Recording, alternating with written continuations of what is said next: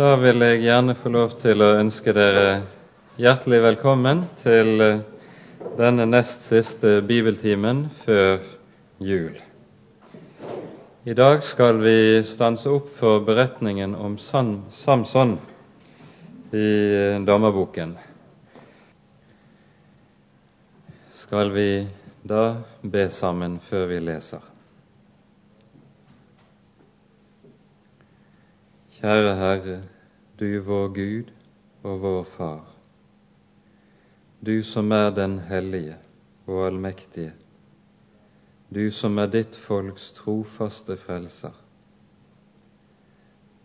Takk at vi skal få lov til å komme til deg, til å samles i ditt navn og om ditt gode ord, fordi du selv har kalt oss i din elskede Sønn, for at vi skal få eie del og lodd med ham, vandre med ham alle våre dager inntil enden. Vi ber deg, Herre, send din ånd og gi oss lys i dine ord, at vi må få lov til å kjenne deg og bli bevart. Fri oss, du vår Herre, fra alt det som vil dra oss bort fra deg, alt det omkring oss og alt det i våre egne hjerter som drar på oss. Og gi oss, Herre, ved din ånd og ved ditt ord å nå målet så ber vi deg, du vår Gud, vær til stede ved din hellige ånd. Led min munn, min tanke, at det som er av deg, får lyde. Og la din kraft fullendes i min skrøpelighet. Amen. Hører alle når jeg snakker slik som jeg gjør nå? Leif, vår trofaste medhjelper, er borte et par dager, og vi har måttet prøve å klare oss både med høyttaler og andre ting uten ham.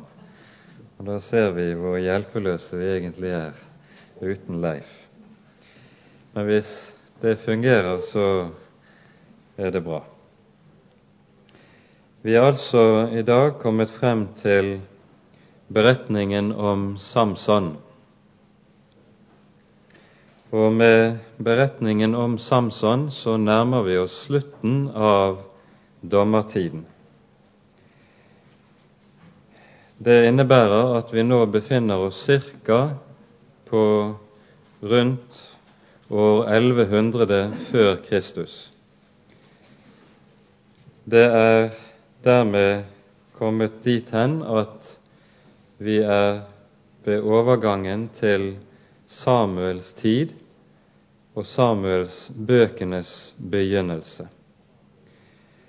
Og antagelig er det slik at på denne tiden så er Eli, som vi leser om i de første kapitlene i Samuelsbøkene, den som er ypperste prest i Israel og tjener Herren ved tabernaklet i Shilo.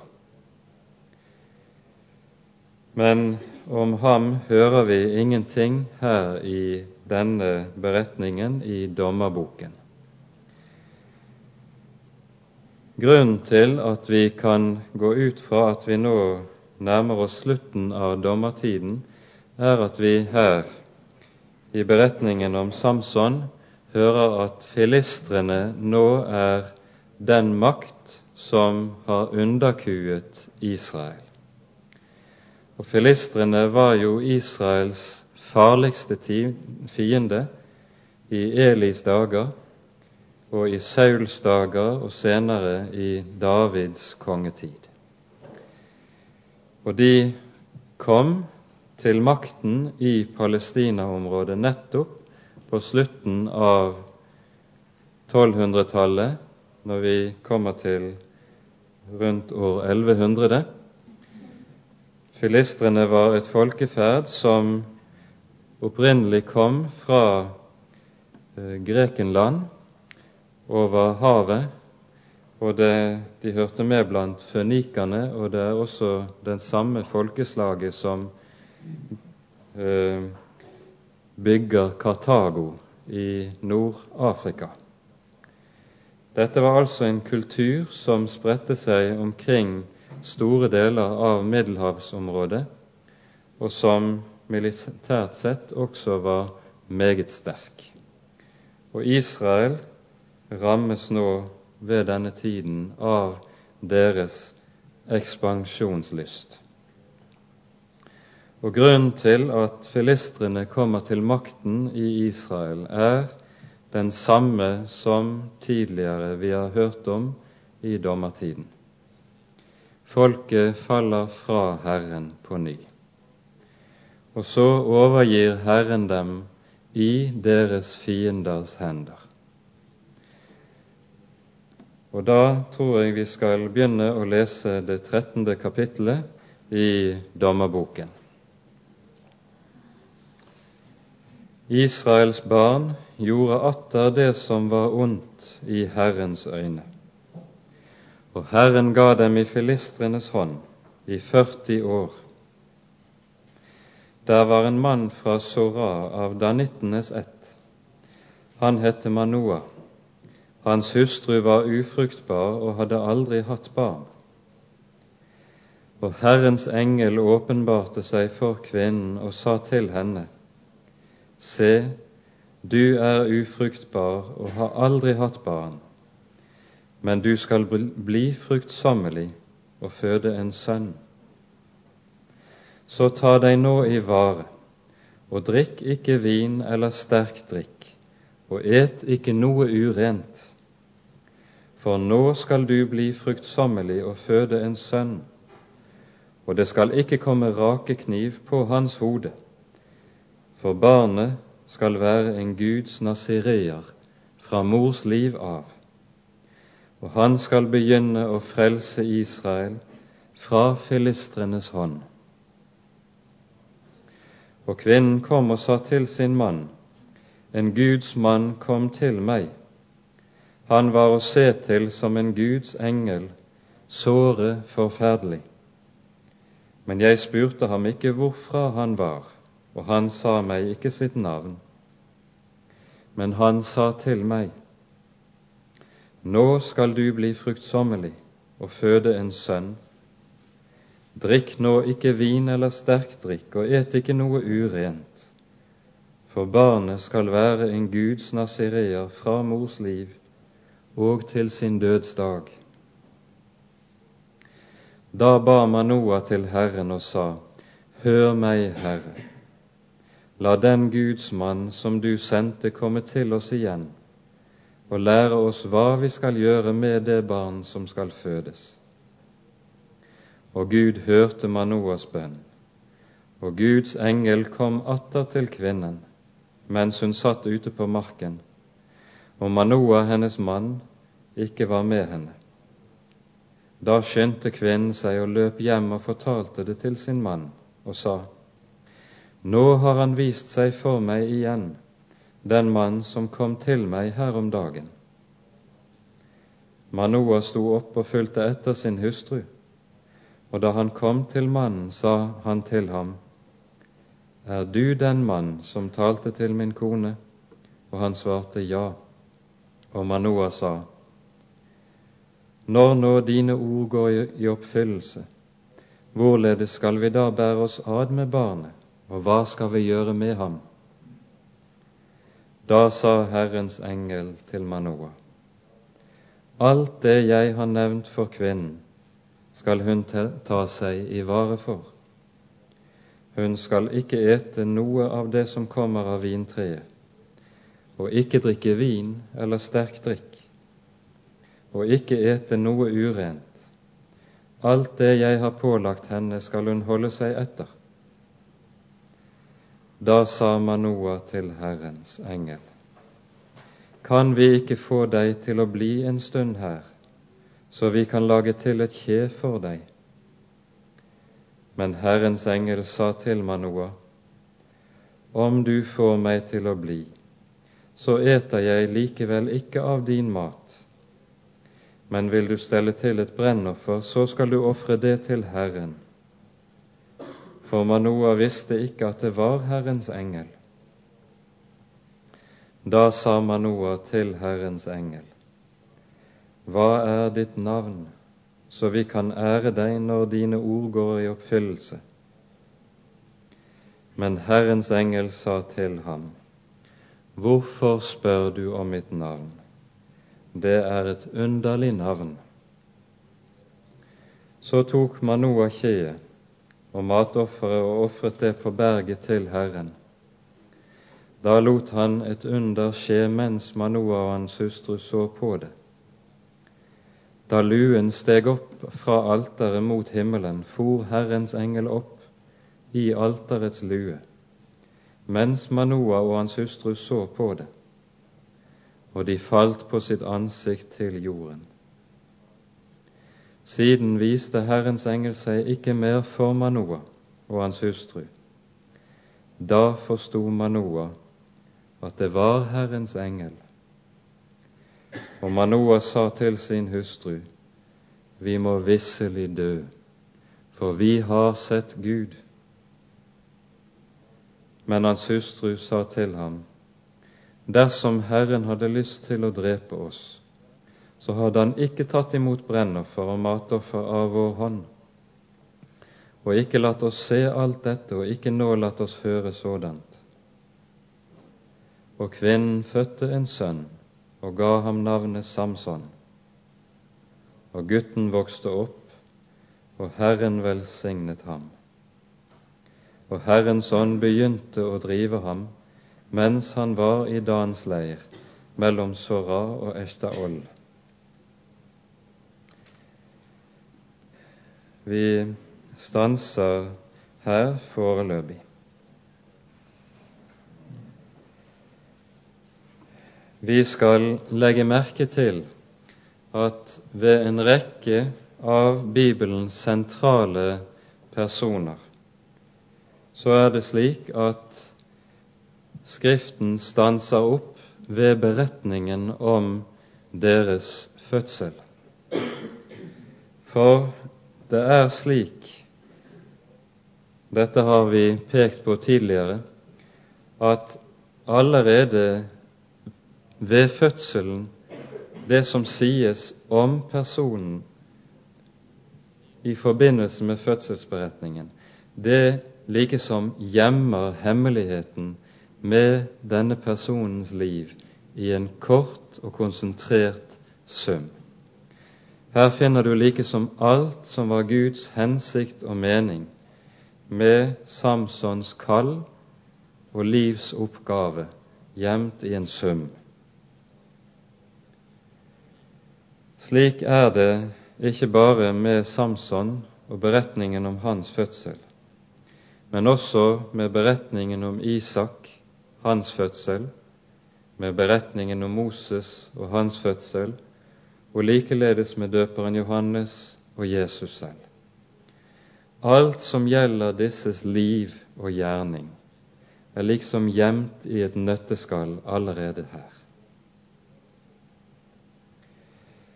Når Samson skal reises opp som redningsmann for Israel her, så er det betegnende at det Gud gjør her, det er at han griper tilbake til en av sine egne ordninger, som han selv har innstiftet og gitt i sin lov, nemlig i Moseloven. Han griper tilbake til nasireerløftet. Samson skulle være en Guds nasireer fra mors liv av, leste vi i vers 5. Hva innebar nasireerløftet? Vi kan lese om dette i Fjerde Mosebok sjette kapittel, og jeg tror vi skal ta oss tid til det.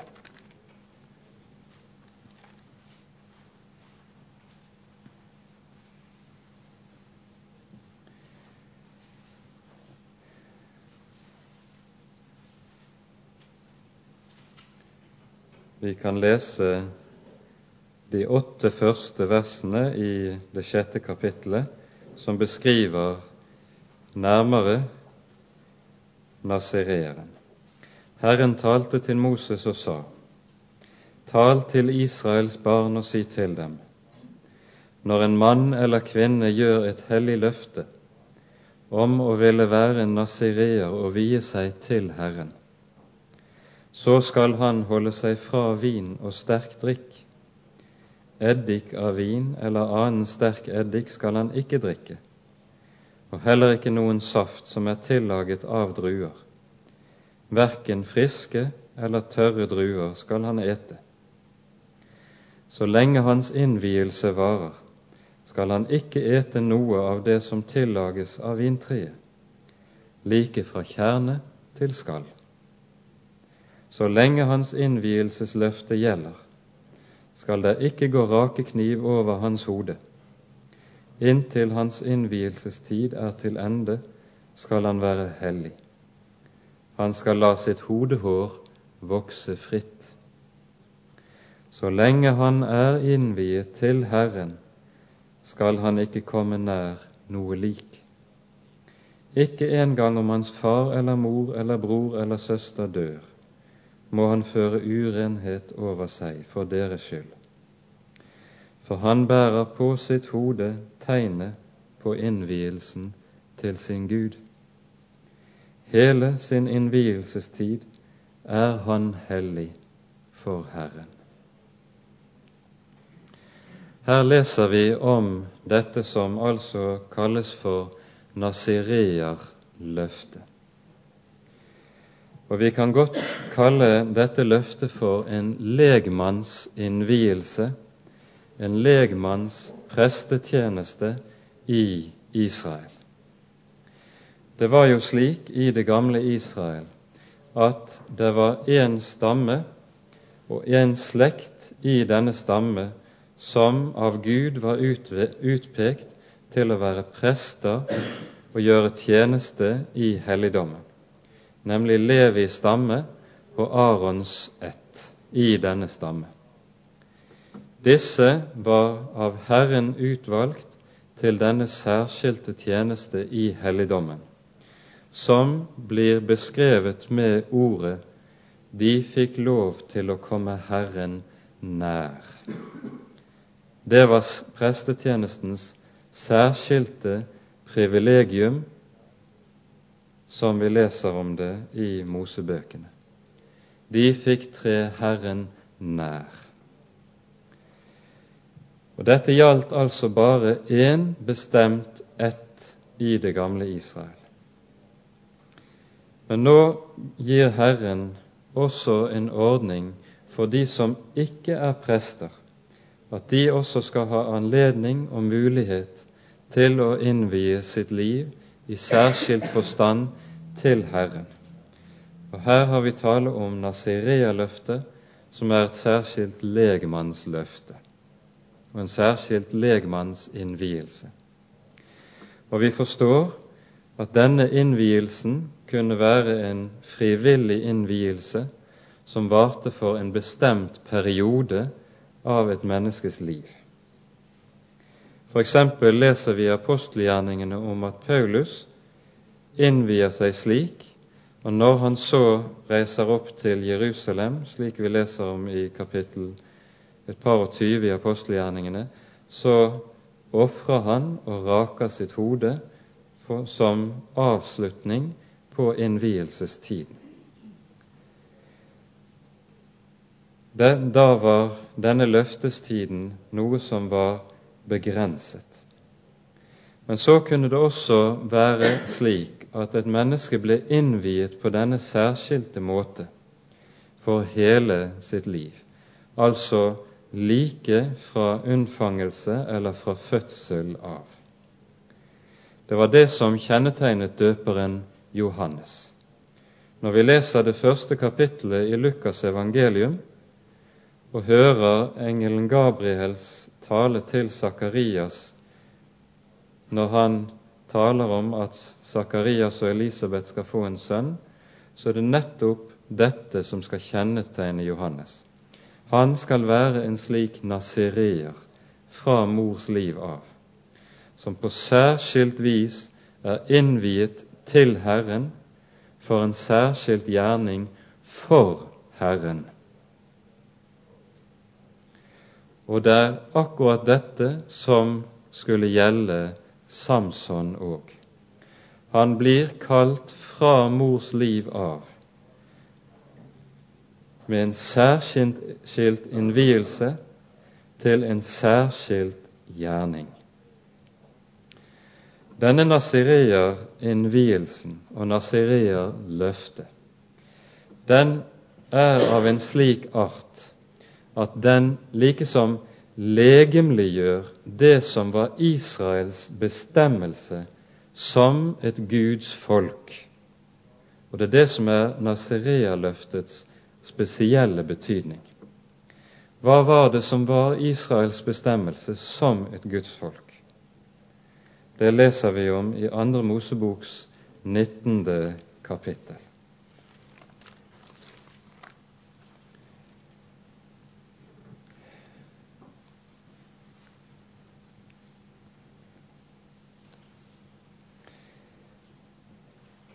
Her taler Herren til Moses på fjellet idet Israel nettopp er kommet frem til Sinai berg. Og Det første Herren da sier til Moses, er disse ordene som gir oss Israels åndelige bestemmelse som et Guds folk i en kort sum.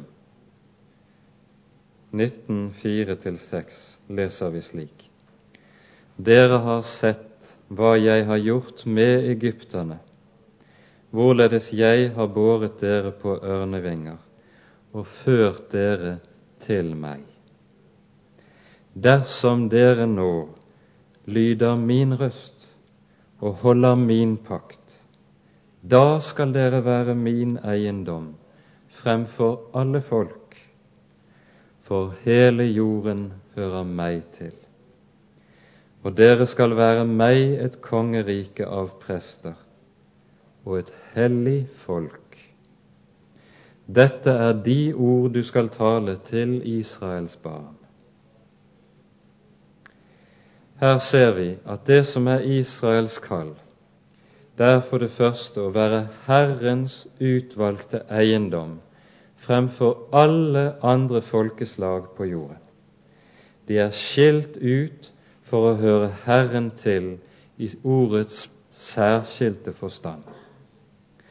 Og denne utskillelse som Herren gjør med sitt folk, det er en utskillelse som bærer til med seg to karakteristiske trekk. De skal være et hellig folk, de skal være et folk av prester. Og hva var det som kjennetegnet prestene? Jo, de var nettopp slike som hadde rett til å tre Herren nær i helligdommen, og derfor leve i samfunn med Herren i kraft av soningen som skjedde i helligdommen. Det skal vi legge merke til. Et hellig folk og et kongerike av prester. Det var et høyt og et herlig kall. Det er alt dette som Israel slik var utvalgt til. Det hvilte på én bestemt forutsetning, som også sies til Moses her. Dersom dere nå lyder min røst og holder min pakt.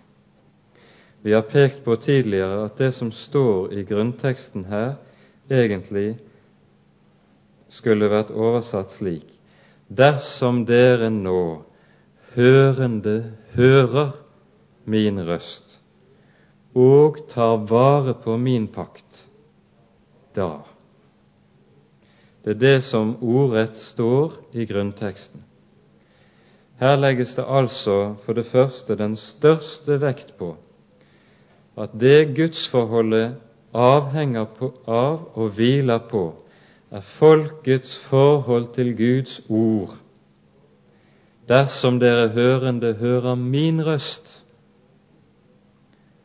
Og dette uttrykk som vi finner i hebraisk, 'hørende hører', det er den sterkeste måten noe kan sies på i det hebraiske språket. Gud vil altså understreke så sterkt som han overhodet kan, at det alt hviler på, er deres forhold til Herrens ord, at de hører Hans røst og innretter seg etter det Herren taler, og bøyer seg for det. Ikke hører og så glemmer. Det som folket senere så altfor ofte kom til å gjøre. Så det andre holder min pakt. Vi tenker jo dette uttrykket gjerne i lovens forstand av ordet. Å holde et bud, det betyr jo etter vår vanlige språkbruk å gjøre det et bud foreskriver oss å gjøre. Men det å holde slik det er ment og talt i grunnteksten, det betyr egentlig å ta vare på, slik du tar vare på og vokter noe som er særlig verdifullt og betydningsfullt for deg. Da tar du godt vare på det for ikke å miste det. Og det er det det taler om i denne sammenheng.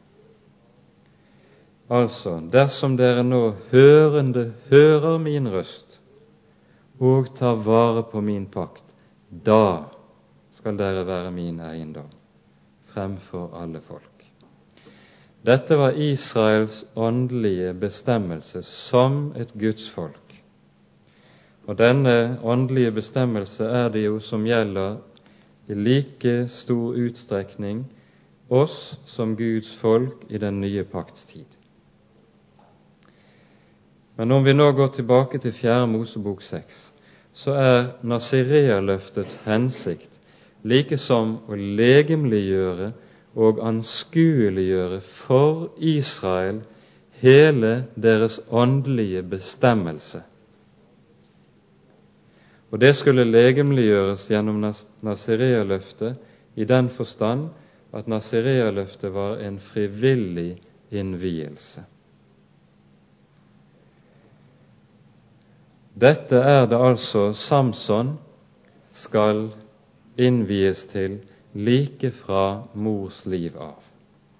Og dette, denne sin ordning, som Herren har satt i Israel, er det Herren selv griper tilbake til når Han nå på ny griper inn for å frelse sitt folk fra deres fiender fra dem som var blitt en dom over deres frafall. Og Dette skal vi også legge merke til. Når det som er Guds vanligste måte når Han vil gripe inn til frelse, det er at Han bruker de ordninger Han selv har gitt oss i sitt ord. For å frelse er det ikke nødvendig at vi finner på nye ting, men å gå tilbake til det som er sagt og gitt av Herrens ordning. Slik blir det altså at Samson etter sitt kall og sin livsoppgave likesom skal legemliggjøre det som var hele Israels kall og livsoppgave i og med at Samson var kalt til å være nazireer. Og samtidig kommer Samson med hele sitt liv også til å legemliggjøre Israels elendighet. For like som Israel ikke tok vare på sitt høye kall, sin høye stand, men falt dypt, slik gjør Samson det òg, og kommer på sitt vis altså til å anskueliggjøre også Israels åndelige tilstand. Dette er altså betydningen av at Samson ikke skulle drikke vin, overhodet ikke røre noe som kom fra vintreet, og punkt to ikke rake sitt hode. Dette er altså betydningen av det som vi hører senere når Samson faller i forbindelse med beretningen om Dalila. Styrken til Samson ligger ikke i hans lange hår, men det ligger i hans innvielse til Nasireer. Når Nazirea-løftets tid var avsluttet, nemlig, det leser vi også i 4. Mosebok 6, da skulle nasireeren rake sitt hode til tegn på at innvielsestiden var slutt. Og det at Samsons hår blir kuttet av Dalila, det er tegn på at Samson ved sitt fall har syndet mot sitt kall sin innvielse, og dermed viker Herren fra ham. Det er altså ikke tale om noen magi at styrken sitter i håret. Styrken sitter i den ordning Herren har gitt i Nazirea-løftet. Dermed er det sagt som er nødvendig å fremholde når det gjelder Samsons kall som utfrier. Og vi skal kanskje peke på en annen sak i denne sammenheng òg. I og med at Samson fremtrer ved slutten av dommertiden, og antagelig i Elias, Elis unnskyld, prestetid, så innebærer det at Samson antagelig var samtidig, muligens en eldre samtidig, av profeten Samuel. Og Da skjønner vi at disse to hadde hver sitt kall og hver sin livsoppgave i Israel. Samsons kall var å fri Israel fra dets ytre fiender primært, gjennom å slå dem militært sett. Men Samuels kall og livsoppgave først og fremst var å bekjempe Israels indre og åndelige fiende, nemlig deres frafall. Og det gjør Samuel gjennom sin profetgjerning.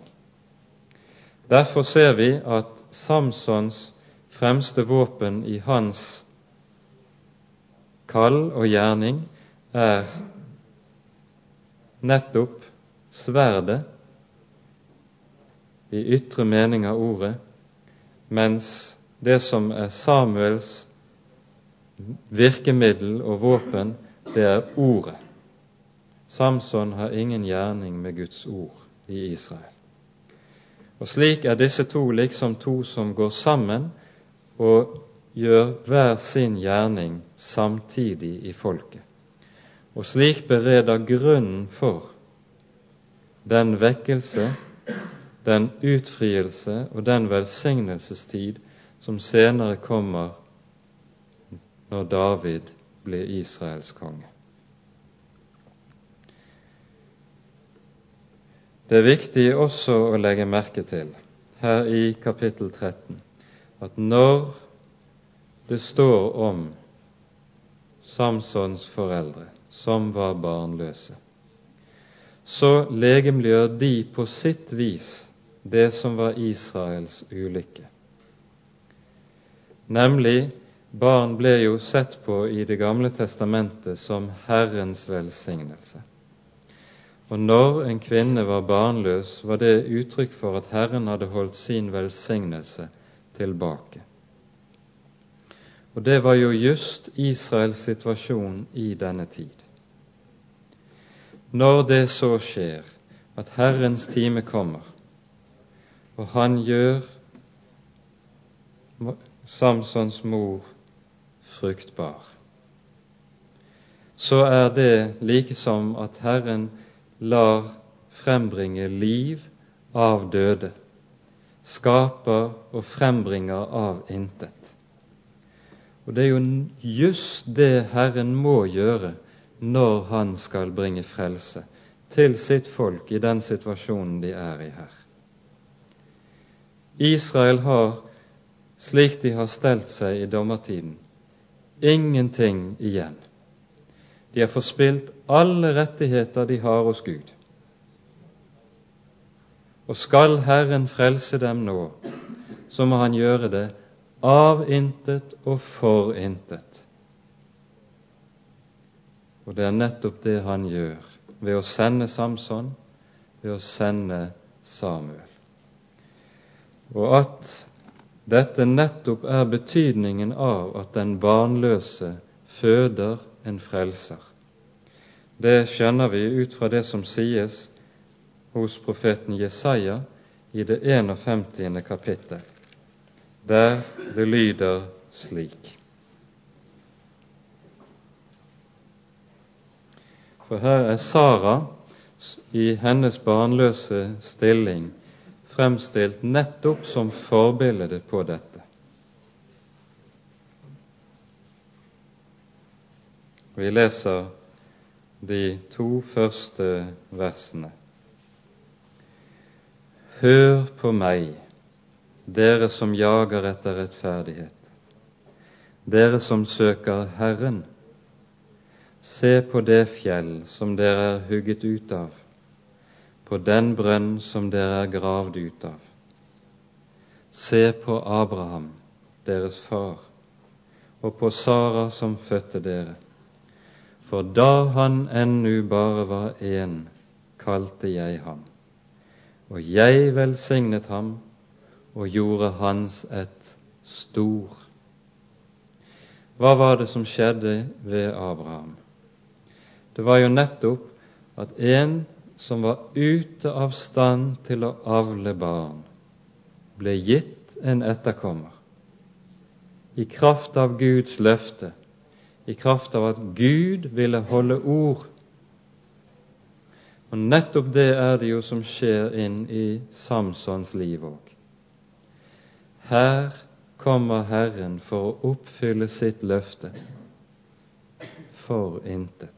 Nettopp på samme måte som ved Abraham og Sara. Og så fødes der en redningsmann for Israel. Han som kommer og åpenbarer seg her, kalles Herrens engel.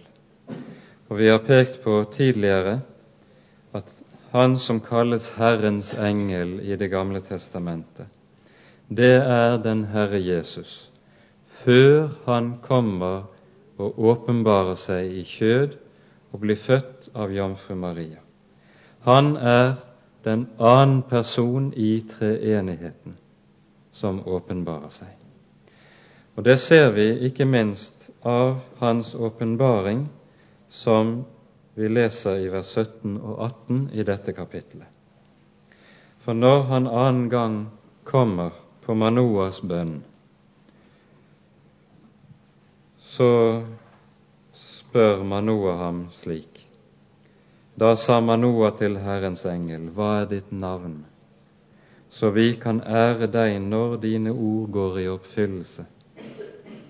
Men Herrens engel sa til ham, Hvorfor spør du om mitt navn? Det er et underlig navn. Og det er en gal oversettelse, for det skulle vært oversatt slik Mitt navn er under. Og det er jo nettopp det den kommende frelser og Messias kalles hos profeten Jesaja i det niende kapittel, vers seks der det lyder slik Et barn er oss født, en sønn er oss gitt, og han kalles under, rådgiver, veldig Gud. Altså barnet som fødes, er Gud og heter under. Og det er det samme navnet som lyder her. Han er og heter under, fordi han gjør hva han er. I alt hva han gjør, er han den underfulle.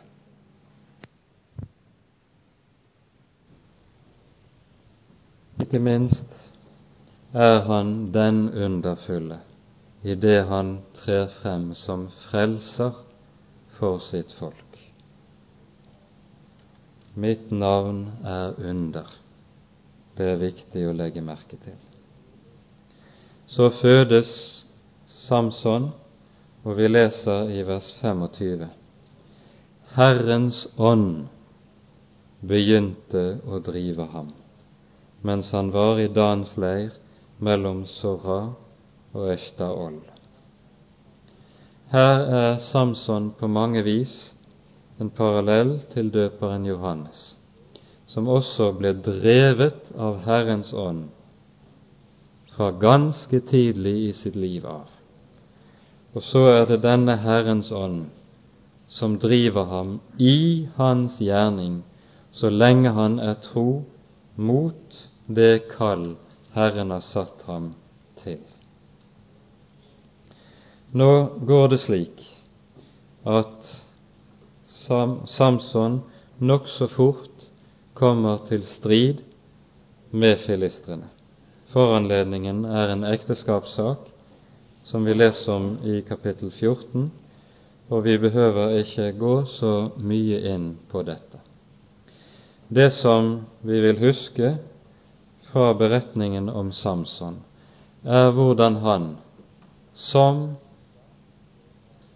ganske alene, drevet av Herrens ånd, slår selv store skarer av fiender.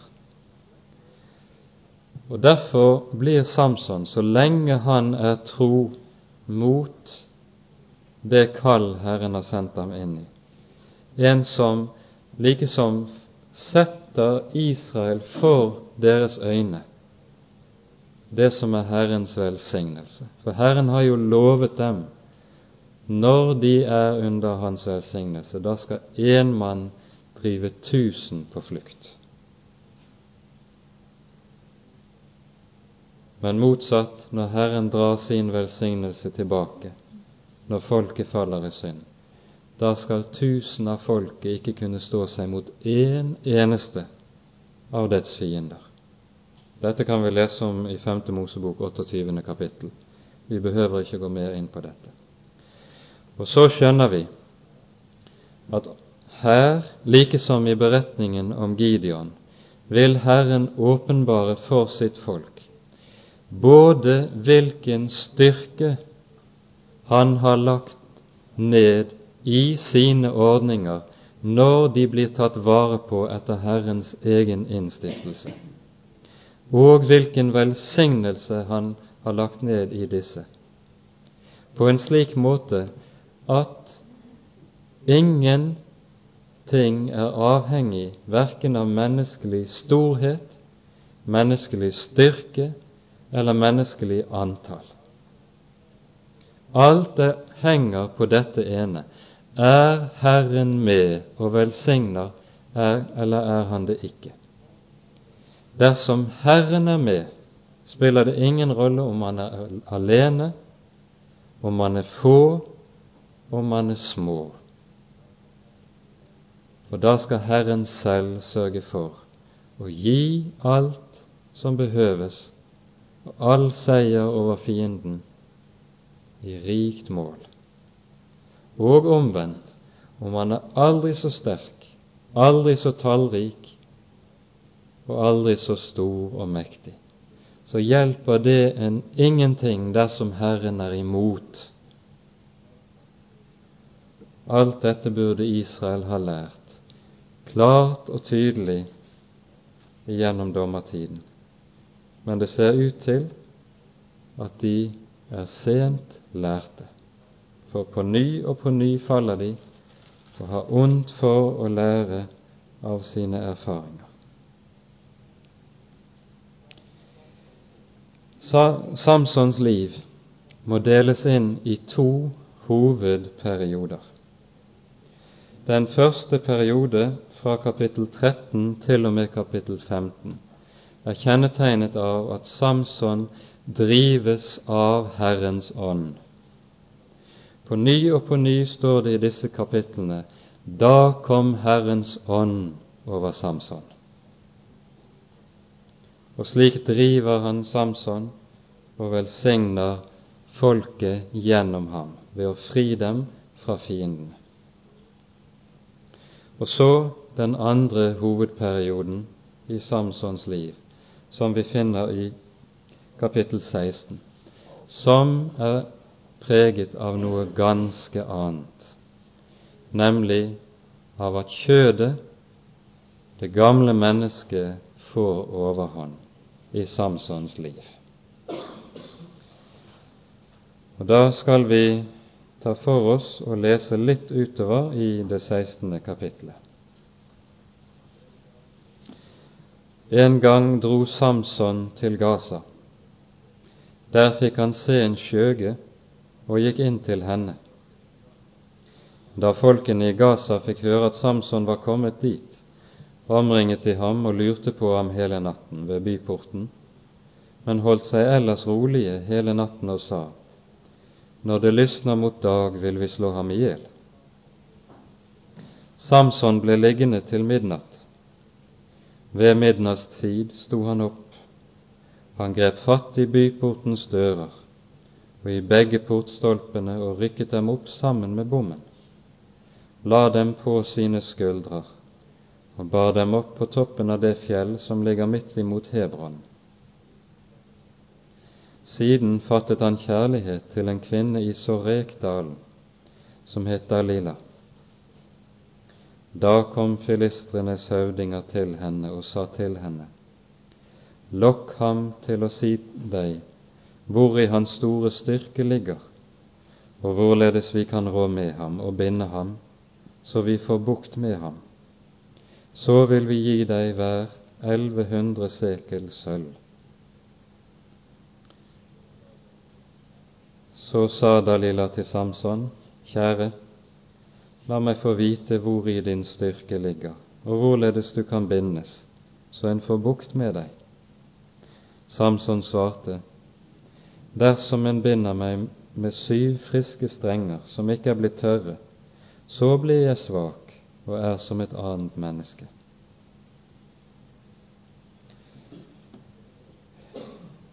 Vi behøver ikke å lese mer i denne omgang. Nå er vi kommet inn i denne andre hovedperiode av Samsons liv. Og vi skal legge merke til det siste verset i det foregående kapittel. Her står det han var i tyve år dommer i Israel i filistrenes dager. Dette bruker å stå som en oppsummering av en dommers liv i dommerboken ved denne dommerens død, når hans dommergjerning er avsluttet. Her ser vi at Skriften ved å sette denne oppsummeringen av Samsons liv her, i og med dette sier at når Samson slik faller, så er hans dommergjerning egentlig avsluttet. Nå er han ikke lenger en dommer som virker som en Guds tjener, som den der er innsatt av Gud, men tvert om som en som har tilranet seg denne verdighet og bruker den til egen vinning.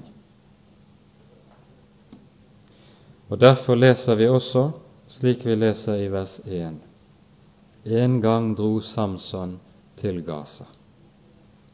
Nå står det ikke lenger at Herrens ånd drev Samson. Nå er det han selv som går, drevet av egenviljen. Og Dette skal lære oss noe helt grunnleggende om hvorledes Bibelen tenker om oss mennesker. For det er slik at Skriften, når den taler om et Guds menneske, og om et Guds barn, så taler og tenker Skriften ikke slik at det gamle mennesket er borte. Heller ikke tenker Skriften slik at det gamle mennesket blir bedre og bedre med årene, eller får mindre og mindre makt med årene. Det gamle mennesket er der så lenge vi lever. Så lenge vi er her i verden, er du og jeg samtidig et nytt menneske, fullkomment, helt, rent og rettferdig for Gud, og et gammelt menneske, en svart synder som er uren fra innerst til ytterst. Vi er samtidig begge deler. Og Det som er den kristne striden, er nettopp striden mellom disse to mennesker i oss. Og denne strid varer så lenge vi lever. Vi blir aldri ferdig med den. Vi kan aldri så lenge vi lever her i verden, si at nå har jeg seiret over gamle Adam. Nå behøver jeg ikke å kjempe mer. Slik er det aldri. Det som er farlig for oss, det er at det skal komme til å skje med oss som skjedde med Samson. At vi på grunn av at Gud velsigner, kanskje at Gud har brukt oss i sin gjerning til noe, slik at vi kanskje til og med har fått fornemme og se at her har Herren arbeidet. Og så blir det utgangspunkt for å føle seg trygg og føle seg sikker. Det er bakgrunnen for Samsons fall.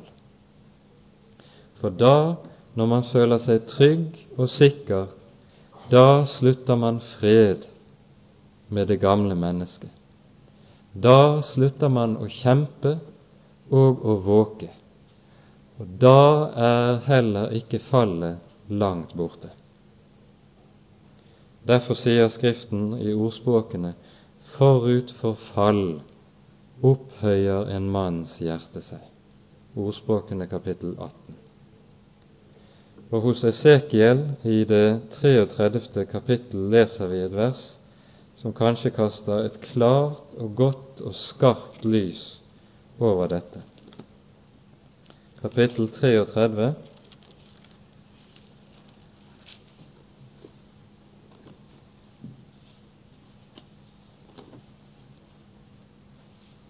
Vers 13.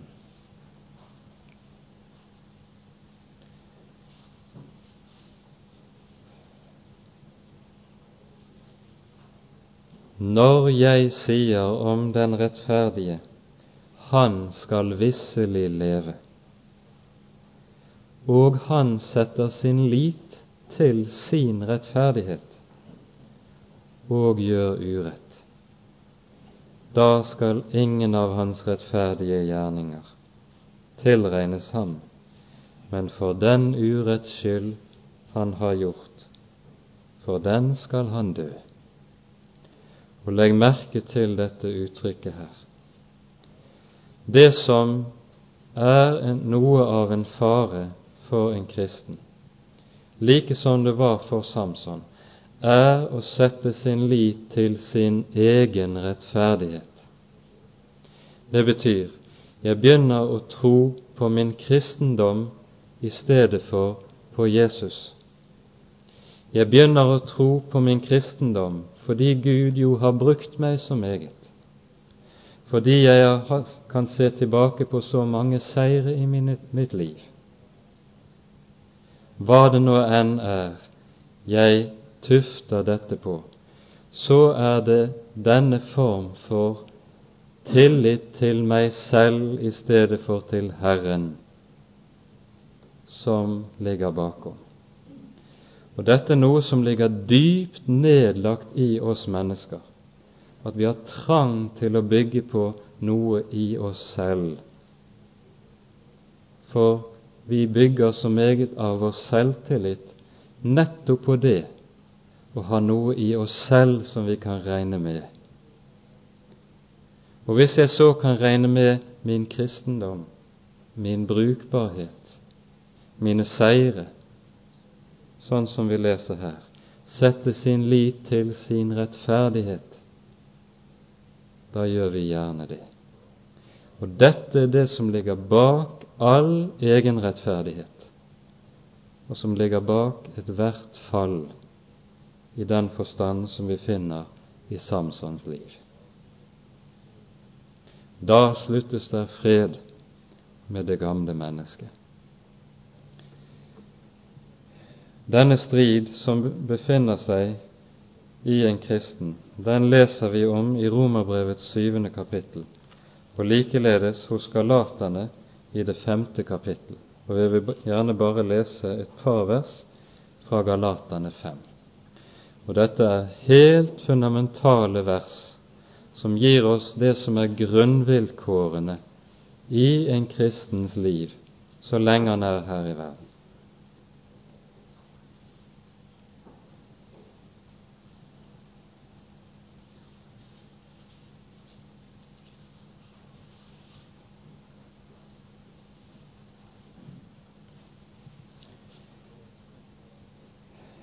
Vi leser fra vers 16. Men jeg sier, vandre i Ånden, så skal dere ikke fullbyrde kjødets begjæring. For kjødet begjærer imot Ånden, og Ånden imot kjødet. De står hverandre imot, så dere ikke skal gjøre det dere vil men dersom dere drives av Ånden, da er dere ikke under loven. Her ser vi altså den kristnes strid er stilt opp for våre øyne.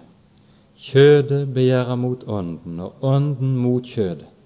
De står hverandre imot. Slik har vi det, og slik skal vi ha det så lenge vi lever, for at vi ikke skal gjøre det vi vil, men bli bevart i å gjøre det Herren vil. Denne strid er helt nødvendig for oss å vite at vi står oppe i og aldri blir ferdig med. Det som skjedde med Samson, var at han var han var aldri så sterk fysisk, så var han meget svak åndelig. Og Vi ser jo det er særlig ett område han var svak på, og det er forholdet til det sjette bud. Så får Dalila Samson i sin makt. Og før Samsons faller slik med henne, så skjønner vi da altså at det, må, der ligger et fall bakom i Samsons eget hjerte før fallet kommer på det ytre området. For det er aldri slik at det er det ytre fall så er det første. Det ytre fall er alltid en frukt av et indre som går forut. Forut for fall opphøyer en manns hjerte seg. Og det Samson har tenkt, var det gjør ingenting om jeg går til Gaza, jeg er sterk nok allikevel. Fienden skal ikke få meg i sin makt. Og så har han trygg på seg selv gått av gårde, og så går det galt. Så får Dalila Dalila betyr en som er den lengtende, og da skjønner vi at det sensuelle så å si ligger i selve navnet hennes. Hun får Samson i sin makt, og han røper til slutt hemmeligheten med sin innvielse. Og dermed er også hans innvielse til ende. Han mister sin styrke, og legg merke til det som står i vers 20 i det 16. kapittelet.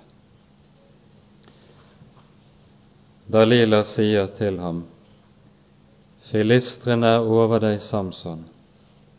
Da våknet han opp av sin søvn og sa, Jeg skal nok gjøre meg fri denne gang som før og slite meg løs. Men han visste ikke at Herren var veket fra ham. Legg merke til det. Han visste ikke at Herren var veket fra ham. Det er det som kjennetegner all åndelig søvn. Det er det som kjennetegner de fem ukloke jomfruer som vi leser om i Matteus 25. De visste ikke at Herren var veket fra dem, fordi de var så trygge på seg selv. Og Samtidig så gir denne setningen oss hele hemmeligheten med Samsons styrke. Den lå i at Herren var hos ham. Og så ser vi også Samsons, det som kjennetegner Samson i denne hans situasjon. Jeg skal nok gjøre meg fri, denne gang som før. Trygg, her er det ingen fare på ferde. Og hvordan kan et menneske bli så trygg? Det henger sammen nettopp med det som skjer med et menneske som kommer i en slik situasjon. Man begynner å bagatellisere synden og det onde. Man tenker 'jeg er så trygg at det egentlig ikke er så farlig om jeg gjør det og gjør det og gjør det som er Herren imot'.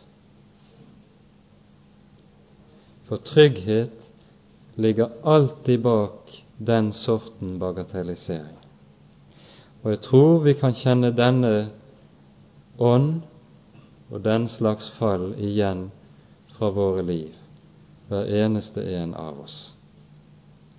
For nettopp når vi er trygge, da er det det lyder også. Det er ikke så farlig i våre egne hjerter. Så sier altså Skriften Samson visste ikke at Herren var veket fra ham. Og forferdelig må han sanne at det var det som var situasjonen. Filistrene, fienden, griper ham og blinder ham. Han har mistet sin styrke. Og vi skjønner at også dette er i åndelig forstand noe som er og legemliggjør hele Israels fall og Israels skade. For det var nettopp slik Samson falt her. Guds folk hadde falt. Og det var nettopp slik Samson kom ut i sin ulykke og blir grepet av sine fiender. Samson blir et hjelpeløst bytte for sine. Og nettopp slik Samson var blindet, var Israel blindet under dommen på grunn av sitt frafall, så det tok lang tid ofte før Herren fikk komme slik til at Han åpnet deres øyne og fikk vende hjertene deres tilbake til ham. I fangenskapet vender imidlertid Samson om. Samsons fangenskap og blindhet er ikke det siste som berettes om ham.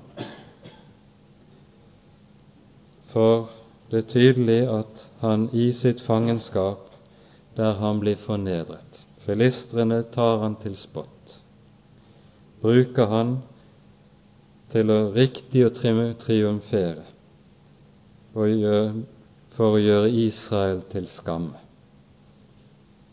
Her i sin fornedrelse og i sin skam kommer Samson til seg selv slik den fortapte sønn gjorde da han var kommet i nød.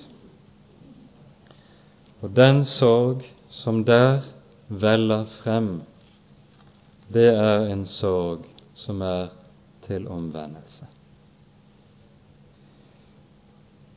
Om dette sier apostelen Paulus i 2. Korinterbrev 7,10.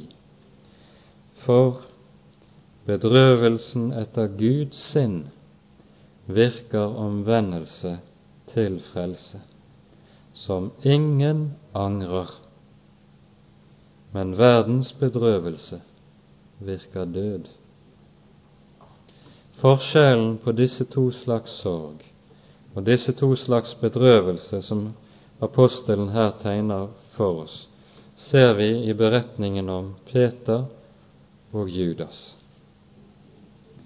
Peter sørget sårt etter sin synd.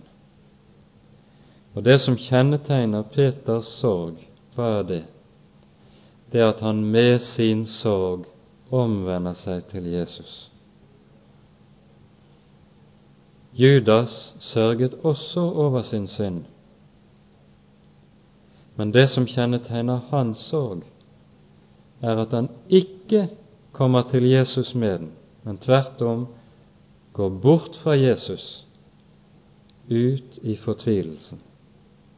Det er det de gamle kalte for fortvilelse, nemlig med sin synd å vende seg fra Han som er den eneste som kan hjelpe, i stedet for å komme til ham.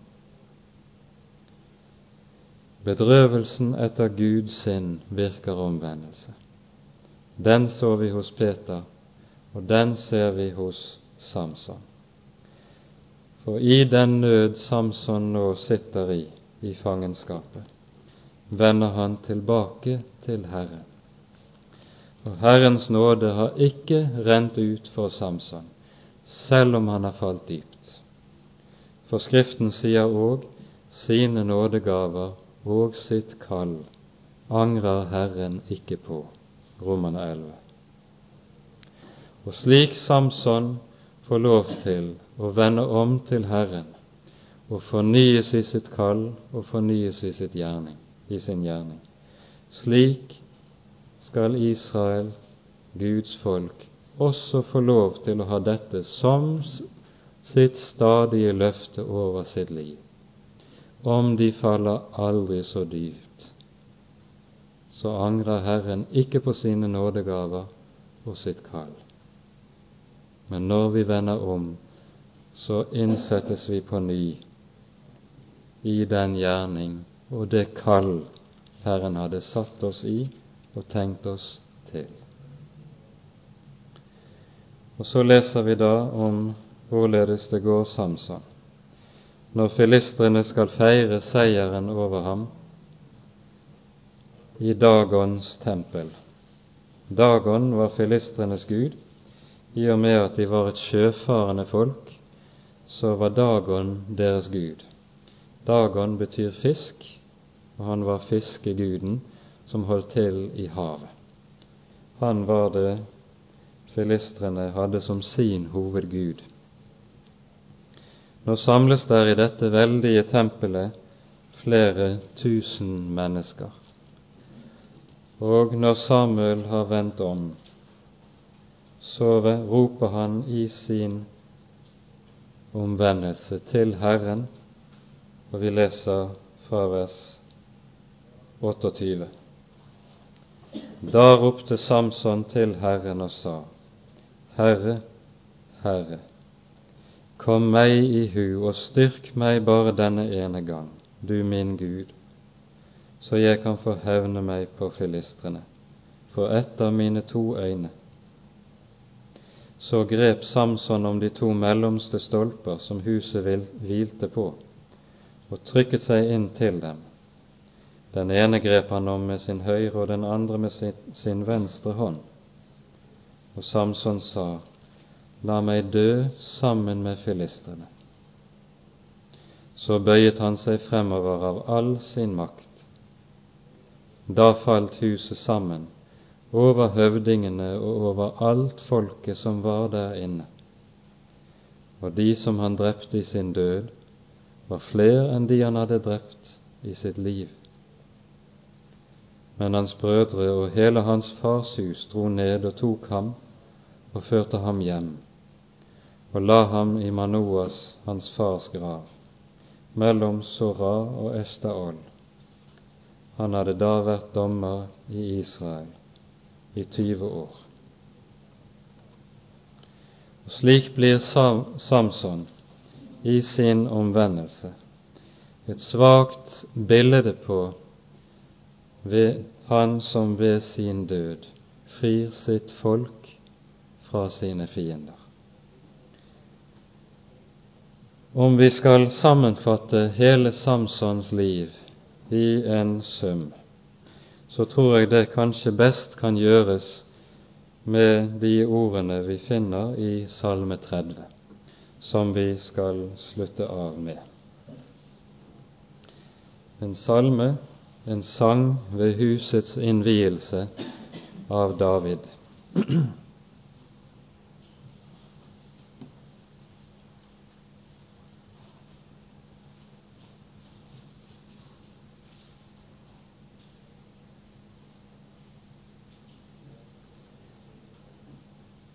Jeg vil opphøye deg, Herre, for du har dratt meg opp og ikke latt mine fiender glede seg over meg. Herre, min Gud, jeg ropte til deg, og du helbredet meg. Herre, du har ført min sjel opp av dødsriket. Du har kalt meg til livet fra dem som farer ned i graven.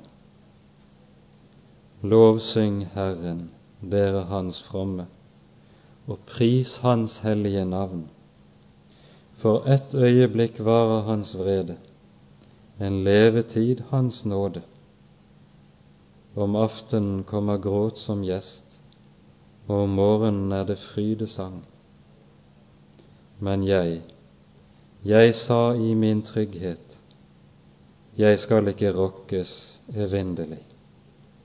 Herre, ved din nåde hadde du grunnfestet mitt fjell. Du skjulte ditt åsyn, da ble jeg forferdet. Til deg, Herre, ropte jeg, og til Herren ba jeg ydmykelig. Hva vinning er der i mitt blod, i at jeg farer ned i graven? Mon støvet vil prise deg, vil det forkynne din trofasthet. Hør, Herre, og vær meg nådig. Herre, vær min hjelper. Du omskiftet min klage til dans for meg. Du løste mine sørgeklær av meg og omgjordet meg med glede, for at min ære skal lovsynge deg og ikke tie Herre min Gud, jeg vil prise deg evinnelig. Her ser vi Samson både i hans nød og i hans seier. Han var den som ble for trygg og sa, 'Jeg skal ikke rokkes'. Og så skjuler Herren sitt åsyn for ham og så går det galt med Samson, og i sin nød vender han så om. Og så får Samson oppleve at hans klage blir omskiftet til dans, og han blir av Herren selv tatt med inn i herligheten. Og det på en slik måte at han også regnes opp i Hebreabrevets ellevte kapittel i den sky av vitner som har gått foran oss, og som taler ved sitt eksempel til oss i Skriften. Amen.